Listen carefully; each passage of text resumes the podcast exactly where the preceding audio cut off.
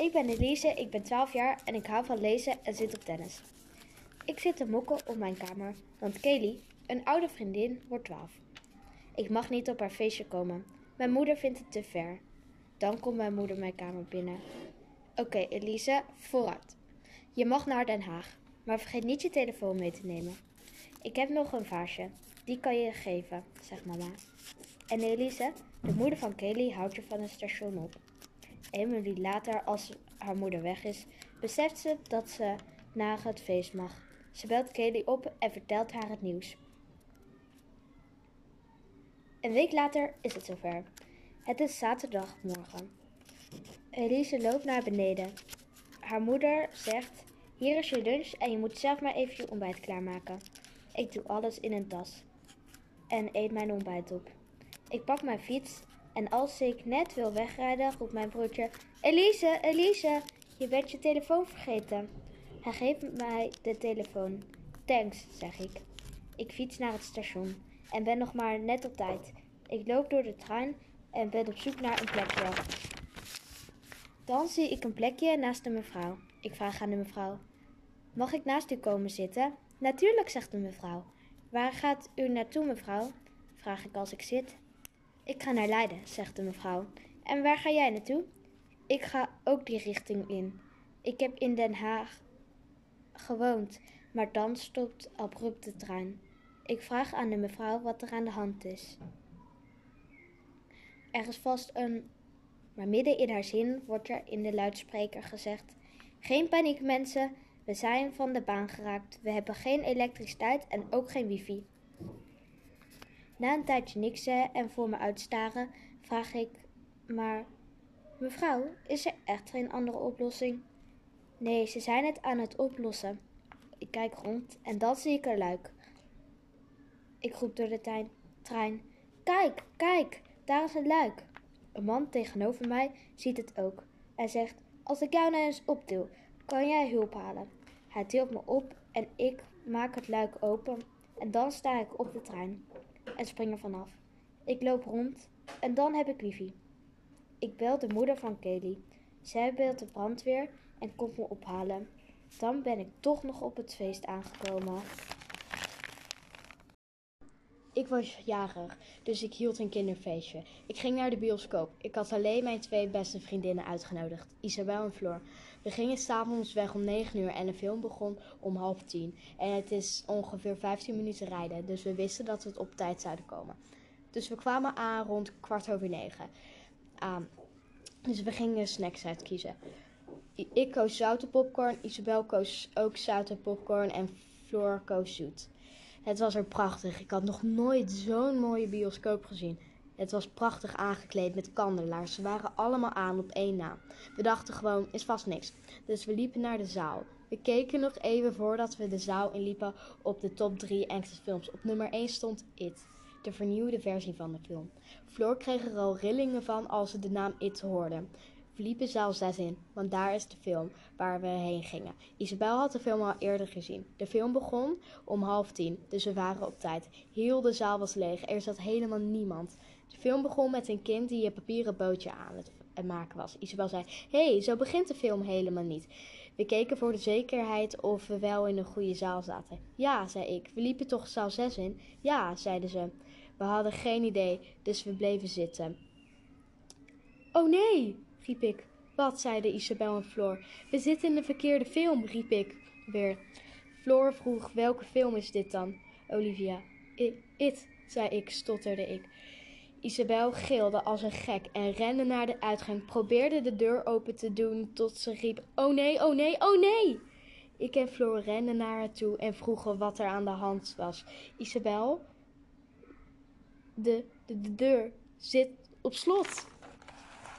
Ik dacht dat ze een grapje maakte, dus ik probeerde het ook. Floor zei haha, heel grappig Isabel. Ik trok aan de deur en hij ging echt niet open. Floor zei laat mij eens proberen.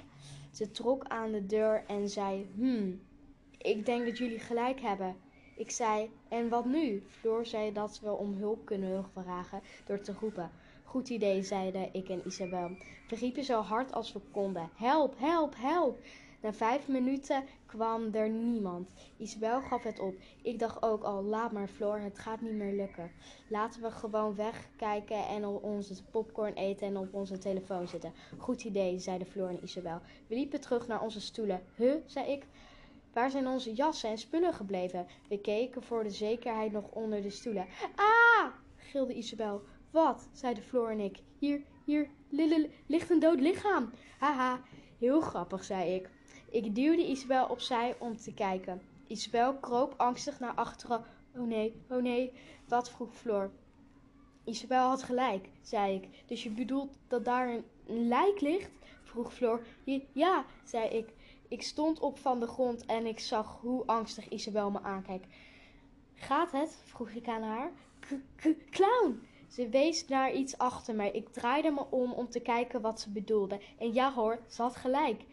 Er stond wel een clown van twee meter voor mijn neus. Ik stapte naar achteren. De clown pakte mijn arm en zei: Ga je nu al weg? De pret is pas net begonnen. Ik knipperde met mijn ogen en de clown was weg.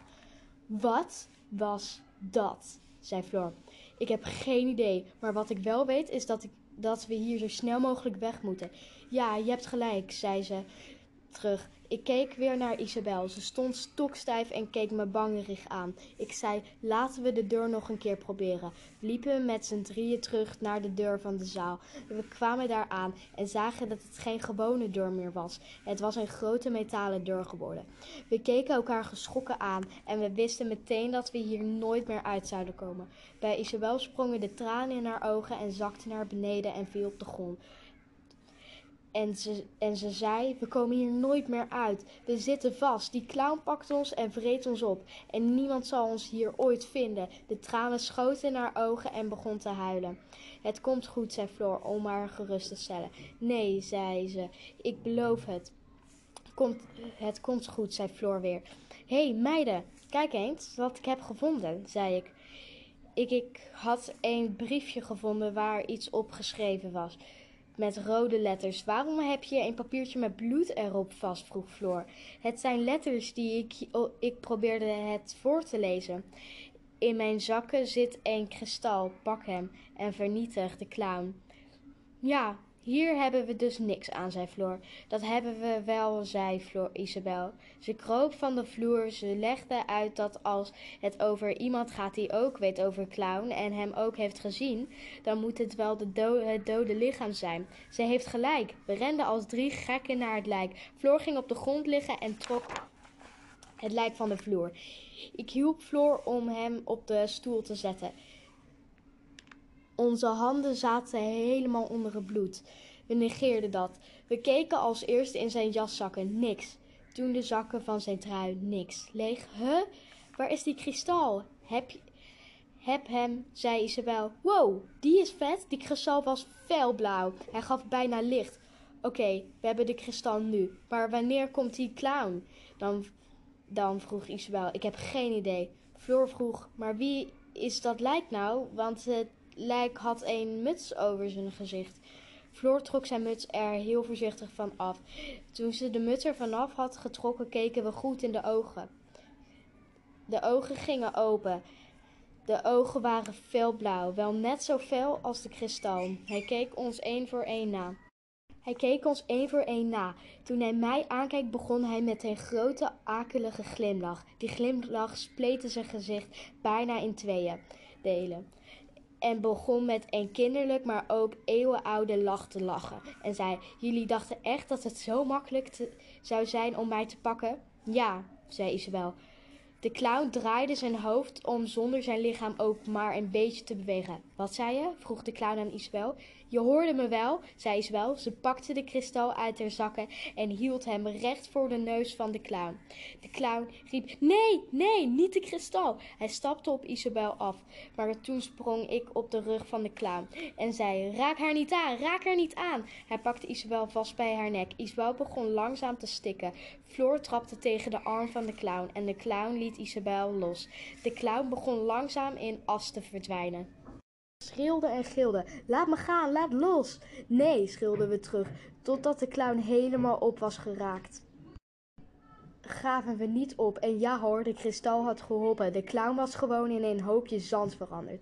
We renden naar de uitgang waar de metalen deur zou zijn. Huh, geen metalen deur, zei Isabel. We deden de normale deur open en het lukte. En huh, het was opeens niet meer verkleed met kandelaars. Het was gewoon een doorsnee bioscoop. We liepen naar de parkeerplaats en daar stond mijn moeder in de auto te wachten. We stapten in de auto en... Hoi mam, hoi lieverd, zei ze terug. Hoe was jullie film? Eh...